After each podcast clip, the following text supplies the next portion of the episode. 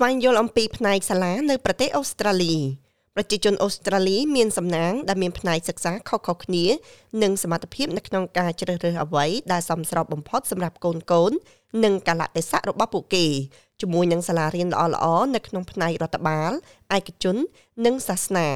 ការជ្រើសរើសសាលារៀនត្រឹមត្រូវអាចជាការសម្រេចចិត្តដ៏លំបាកសម្រាប់ឪពុកម្ដាយនៅក្នុងការសម្រេចចិត្តឪពុកម្ដាយចង់បានឱកាសការអប់រំដ៏ល្អអស្ចារ្យសម្រាប់កូនកូនរបស់ពួកគេ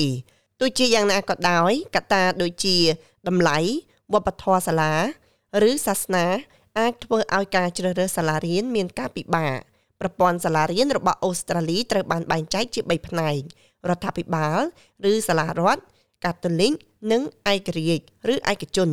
បណ្ឌិតសាលីឡាសិនគឺជាសាស្ត្រាចារ្យផ្នែកអប់រំនៅសាកលវិទ្យាល័យ New England គាត់ពន្យល់ពីរបៀបដែលវិស័យផ្សេងៗត្រូវបានគ្រប់គ្រង។ ពួកគេទាំងអស់ត្រូវបានគ្រប់គ្រងដោយស្ថាប័នដូចគ្នានៅក្នុងរដ្ឋនីមួយៗដូច្នេះពួកគេទាំងអស់បង្ហាញកម្មវិធីសិក្សាដូចគ្នាដល់សិស្សហើយគ្រូបង្រៀនទាំងអស់ត្រូវបានទទួលស្គាល់ដោយការប្រើប្រាស់ដំណើរការទទួលខុសត្រូវដូចគ្នាភាពខុសគ្នាគឺផ្នែកខ្លះសូមឲ្យមេដាបេដាផ្ដល់ថវិកាដល់ការអប់រំរបស់កូនកូនរបស់ពួកគេ ដោយសារតែរចនាសម្ព័ន្ធមានតម្លៃខុសៗគ្នាគ្រួសារជាច្រើនជ្រើសរើសសាលារៀនរដ្ឋាភិបាលនៅក្នុងតំបន់ខណៈពេលដែលថ្លៃសាលារៀនឯកជនមិនមានតម្លៃសមរម្យវិជ្ជបណ្ឌិតឡាសិនលើកឡើងម្ដងទៀតថាផ្នែកសាលារៀនរបស់រដ្ឋគឺមិនគិតថ្លៃទេពេលខ្លះអ្នកត្រូវបានស្នើឲ្យបង់វិភាគទានតិចតួចជាង100ដុល្លារឬច្រើនជាងនេះ សម្រាប់ឯកសាររបស់សាលារៀនវិស័យសាលាកាតូលិកសូមឲ្យឪពុកម្ដាយបង់ថ្លៃប៉ុន្តែជាទូទៅថ្លៃសេវាទាំងនេះតិចតួចណាស់ប្រហែល5000ដុល្លារក្នុងមួយឆ្នាំប៉ុន្តែនៅក្នុងវិស័យសាលារៀនឯករាជ្យអ្នកអាចបង់ប្រាក់ទីកន្លែងរហូតដល់30000ដុល្លារឬច្រើនជាងនេះក្នុងមួយឆ្នាំសម្រាប់សិក្សាដើម្បីចូលរៀននៅសាលាទាំងនោះ សាលារៀនល្អៗនៅក្នុងវិស័យទាំង3ដោយសារពួកគេត្រូវបានគ្រប់គ្រងដោយបទបញ្ញត្តិរបស់រដ្ឋដូចដូចគ្នាដូច្នេះតើការពិចារណាបែបណាខ្លះសម្រាប់ឪពុកម្ដាយពេលជ្រើសរើសសាលារៀនសាស្ត្រាចារ្យ Emerita Helen Forgas មកពីមហាវិទ្យាល័យអប់រំនៅសាកលវិទ្យាល័យ Monash ពន្យល់ថា រដ្ឋាភិបាលតម្រូវឲ្យច្បាប់ដើម្បីផ្ដល់សាលារៀនឬសាលារដ្ឋដោយដែលគេស្គាល់នៅក្នុងរដ្ឋមួយចំនួន គឺបើកចំហសម្រាប់មនុស្សគ្រប់គ្នា វាគឺជាផ្នែកខាងភាសា ហើយវាឥតគិតថ្លៃភាពខុសគ្នាសម្រាប់ឪពុកម្ដាយតកតងនឹងជំរឿននៃសាលារៀនគឺរឿងមួយថាតើអ្នកអាចមានលទ្ធភាពបង់ថ្លៃនៅសាលាក្រៅរដ្ឋាភិបាលនោះគឺសាលាឯកជន ហើយទី2ឧទាហរណ៍ប្រសិនបើសាសនាមានសារៈសំខាន់ខ្លាំងដែលអ្នកចង់ឲ្យកូនរបស់អ្នកមានប្រវត្តិអប់រំខាងសាសនានៅក្នុងសាលារដ្ឋាភិបាលការអប់រំសាសនាមិនបង្កើតជាផ្នែកនៃកម្មវិធីសិក្សាទេទោះបីជាសាលារៀនអាចអនុញ្ញាតឲ្យអង្គការសាសនាដំណើរការកម្មវិធីអប់រំសាសនាក៏ដោយ សាលាកាតូលិកផ្ដល់ការអប់រំផ្នែកលើជំនឿនិងបើកទូលាយដល់គ្រួសារដែលមិនកាន់សាសនាពួកគេត្រូវបានគេចាត់ទុកថាដើម្បីលើកកម្ពស់ការតភ្ជាប់សហគមន៍និងវិស័យហើយមានតម្លៃថោកជាងសាលាឯកជនវិជ្ជបណ្ឌិត Lesson ប្រមានថាមិនត្រឹមតែថ្លៃសាលារៀនឯកជនអាចខ្ពស់ប៉ុណ្ណោះទេប៉ុន្តែការចំណាយដែលមិនដឹងមុខផ្សេងទៀត អាចធ្វើឲ្យញាក់ភ្ញាក់ផ្អើល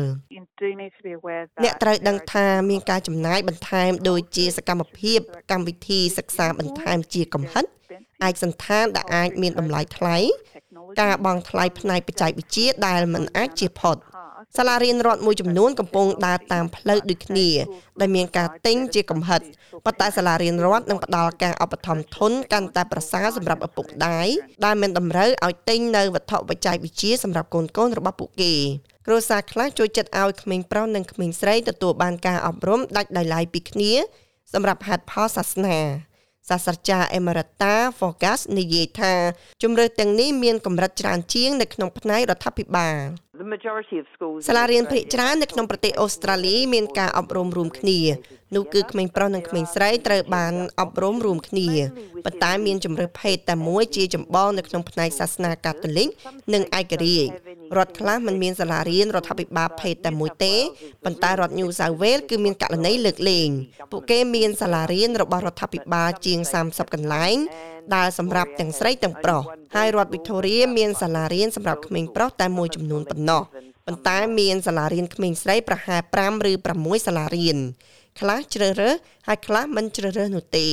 គណៈពេលដែលអត្ថប្រយោជន៍នៃសាលារៀនសម្រាប់ភេទតែមួយនៅតែមានភាពចម្រូងចម្រាស ហើយលទ្ធផលសិក្សាមិនខុសគ្នាខ្លាំងនោះទេកុមារមួយចំនួនមានផាសុកភាពនៅក្នុងសង្គមបរិយាកាសនៃភេទតែមួយលោកវិជ្ជបណ្ឌិតឡាសិនមានប្រសាសន៍ថា កុមារអូស្ត្រាលីភាគច្រើនបានសិក្សានៅក្នុងសាលារៀនរបស់រដ្ឋាភិបាលប្រហែល70%នៃសិស្សនៅថ្នាក់បឋមសិក្សាបានចូលរៀននៅសាលារដ្ឋាភិបាលហើយវាពឹងផ្អែកទៅលើរដ្ឋបន្តិចប្រហែល20%ចូលសាលារៀនកាតូលិកហើយ10%ឬតិចជាងនេះកំពុងរៀននៅសាលាឯកជន នៅថ្នាក់អនុវិទ្យាល័យភាគរយនៃសិស្សចូលរៀននៅសាលាឯកជនឡើងដល់ប្រមាណ20%ហើយប្រហែល20%ចូលរៀនសាលាកាតូលិក នៅសល់60%កំពុងតែរៀននៅសាលារដ្ឋចាប់ពីអាយុ7ដល់12ឆ្នាំវិជ្ជបណ្ឌិតឡាសិនណែនាំថានៅពេលថ្លឹងថ្លែងលើវិស័យនានាវាគឺជារឿងសំខាន់ដែលត្រូវចងចាំថាសាលារៀនឯកជនជួនកាលបង្កើតឲ្យមានការព្រួយបារម្ភថាកុមារនឹងមិនទទួលបានការអប់រំគ្រប់គ្រាន់នៅប្រព័ន្ធរដ្ឋវាមានតម្លៃណាស់ដែលត្រូវដឹងថាសាលារដ្ឋមិនមានថវិកាសម្រាប់ធ្វើទីផ្សារដូចជាសាលាឯកជននោះទេ សាលារៀនឯកជននឹងប្រើប្រាស់ថ្លៃឈ្នួលពីឪពុកម្ដាយដើម្បីទីផ្សារសម្រាប់ឪពុកម្ដាយដទៃទៀតប៉ុន្តែអវត្តមាននៃការធ្វើទីផ្សារពីសាលារដ្ឋមិនមែនមានន័យថាសាលាទាំងនោះល្អជាងសាលាឯកជននោះទេវាគ្រាន់តែមានន័យថាពួកគេមិនត្រូវបានអនុញ្ញាតនៅក្នុងការប្រើប្រាស់ថវិការបស់ពួកគេពីរដ្ឋប៉ុណ្ណោះ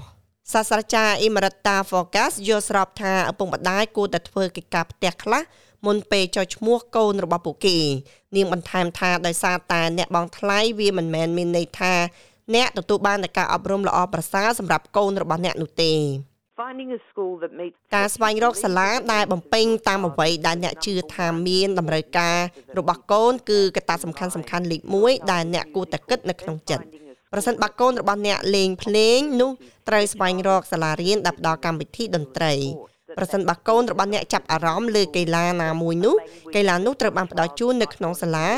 នោះហើយគឺជាអ្វីអ្វីដែលកូនកូនរបស់អ្នកចង់ទៅរៀនគឺត្រូវផ្ដល់ជូននៅសាលាខ្ញុំគិតថាឪពុកម្ដាយត្រូវធ្វើកិច្ចការងារផ្ទះរបស់ពួកគេហើយរកមើលថាតើការផ្ដល់ជូននោះជាអ្វីប្រសិនបើកូនរបស់អ្នកមានតម្រូវការផ្នែករាងកាយឬបញ្ញាពិសេសមិនមែនសាលារៀនទាំងអស់អាចជួយយកមកបាននោះទេ វាគឺជារឿងសំខាន់ដែលឪពុកម្ដាយគួរសួរសំណួរត្រឹមត្រូវ ប្រសិនបើមានជំរើសសូមស្នើសុំទៅសាលារៀនដែលអ្នកចាប់អារម្មណ៍សម្រាប់ Jacob និង Rebecca Mannery និយាយថាការទៅទស្សនកិច្ចនៅសាលាអាចផ្លាស់ប្ដូរទាំងស្រុងនៃការសម្រេចចិត្តរបស់ពួកគេ សម្រាប់កូនកូនរបស់ពួកគេយើងមានសំណាងគ្រប់គ្រាន់ដែលមានសាលារៀនល្អៗនិងល្បីឈ្មោះមួយចំនួននៅក្នុងតំបន់របស់យើងតែមិនមែនជាករណីសម្រាប់មនុស្សគ្រប់គ្នាពិសេសគឺនៅក្រៅព្រំដែននៃទីក្រុង ពួកគេបានសម្រេចចិត្តធ្វើកិច្ចការងារផ្ទះ និងស្រាវជ្រាវជំរើសរបស់ពួកគេទោះបីជាគំនិតរបស់ពួកគេត្រូវបានបង្កើតឡើងក៏ដោយយើងបានយល់ព្រមរួចរាល់ហើយថាយើងរីករាយនៅក្នុងការបញ្ជូននាងទៅសាលារដ្ឋនៅក្នុងតំបន់ណាមួយក៏ដោយប៉ុន្តែយើងបានជាសម្រេចចិត្តទៅទស្សនកិច្ចនៅសាលារដ្ឋនៅក្នុងស្រុកទៅវិញយើងបានជួបនាយកសាលានិងនាយករងហើយយើងពិតជាពេញចិត្តនឹងទស្សនវិជ្ជារបស់ពួកគេយើងមានអារម្មណ៍ថាវាពិតជាស័ក្តិសមសម្រាប់យើងដូច្នេះហើយតាមពិតទៅយើងបានសម្រេចចិត្តផ្លាស់ប្ដូរចិត្តហើយយើងបានបញ្ចប់ការសិក្សាជាមួយនឹងសាលារដ្ឋនៅក្នុងស្រុកសាស្ត្រាចារ្យអ៊ីមរ៉ាតា Focus និយាយថាកូនរបស់អ្នកត្រូវតែសប្បាយចិត្តសូមចាំថាអ្នកអាចផ្លាស់ប្ដូរគំនិតរបស់អ្នកនៅគ្រប់ដំណាក់កាល តាមពិតទៅវាគឺជារឿងសំខាន់នៅក្នុងការផ្លាស់ប្ដូររវាងវិស័យសាលារៀននៅដើមមធ្យមសិក្សាប្រសិនបើអ្នករកឃើញថាអ្នកបានជ្រើសរើសខុសដំបូងសូមគិតឡើងវិញការបំពេញតម្រូវការអប់រំគឺជារឿងសំខាន់មួយដែលគួរតែគិតដល់ពុកម្ដាយប្រសិនបើកូនរបស់អ្នកមិនរីកចម្រើនគ្រប់ពេលវេលាតាមរយៈការសិក្សារបស់ពួកគេនោះត្រូវវិតម្លៃឡើងវិញ តើវាគឺជារឿងត្រឹមត្រូវឬទេ ដែលត្រូវធ្វើសម្រាប់ពួកគេទាំងសង្គមនិងការអប់រំក្នុងការផ្លាស់ប្ដូរសាលានៅពេលសម្លឹងមើលជំរើសសាលារៀនសូមចាប់ផ្ដើមជាមួយនឹងធនធាន ដូចជាសិភៅណែនាំសាលាល្អឬគេហទំព័រ My School website សម្រាប់ការផ្ដល់ជូននិងការប្រៀបធៀបអំពីជំរើសសាលារៀនអត្ថបទនេះរៀបចំដោយ Maliza Campanoni និងប្រាយសម្រួលដោយនាងខ្ញុំឡៅដានីសម្រាប់ការផ្សាយរបស់ SBS ខ្មែរ